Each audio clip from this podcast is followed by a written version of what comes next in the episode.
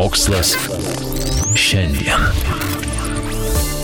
Pastaruoju metu ima atrodyti, jog nelemtas mikroplastikas mus supo visur. Jo randama dirbožymėje ir vandenyse, gyvūnų, paukščių, žuvų ir net žmogaus organizmuose. Su tuo bandoma kovoti. Neseniai veiksmų ėmėsi ir Europos komisija. Jie pribojo mikroplastikų naudojimą įvairiuose produktuose.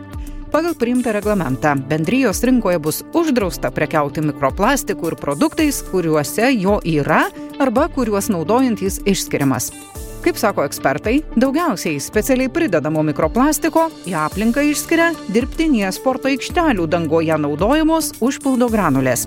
Nepaslaptis, kad mikroplastikas taip pat naudojamas kosmetikos gaminiuose, blizgučiuose, dar plovikliuose ir audinių minkštikliuose, be to trašose, augalų apsaugos priemonėse, žaisluose, vaistuose, medicinos prietaisuose ir daugelį kitų produktų.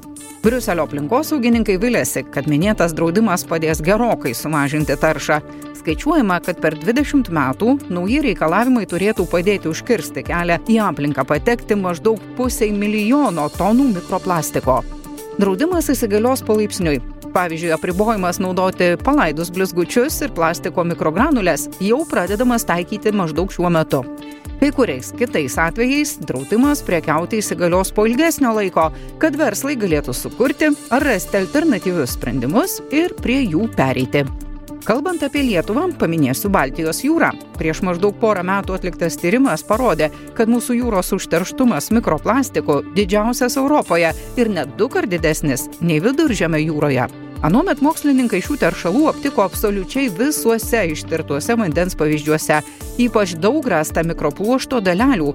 Jos sudarė per 80 procentų iš visų kubinėme metre rastų 139 rūšių mikroplastiko dalelių. Europos komisija yra nustačiusi tikslą iki 2030 metų 30 procentų sumažinti aplinkos taršą mikroplastiko. Jam priskiriamos visos mažesnio nei 5 mm dydžio organinės, netirpios ir atsparios skilimui sintetinių polimerų dalelės.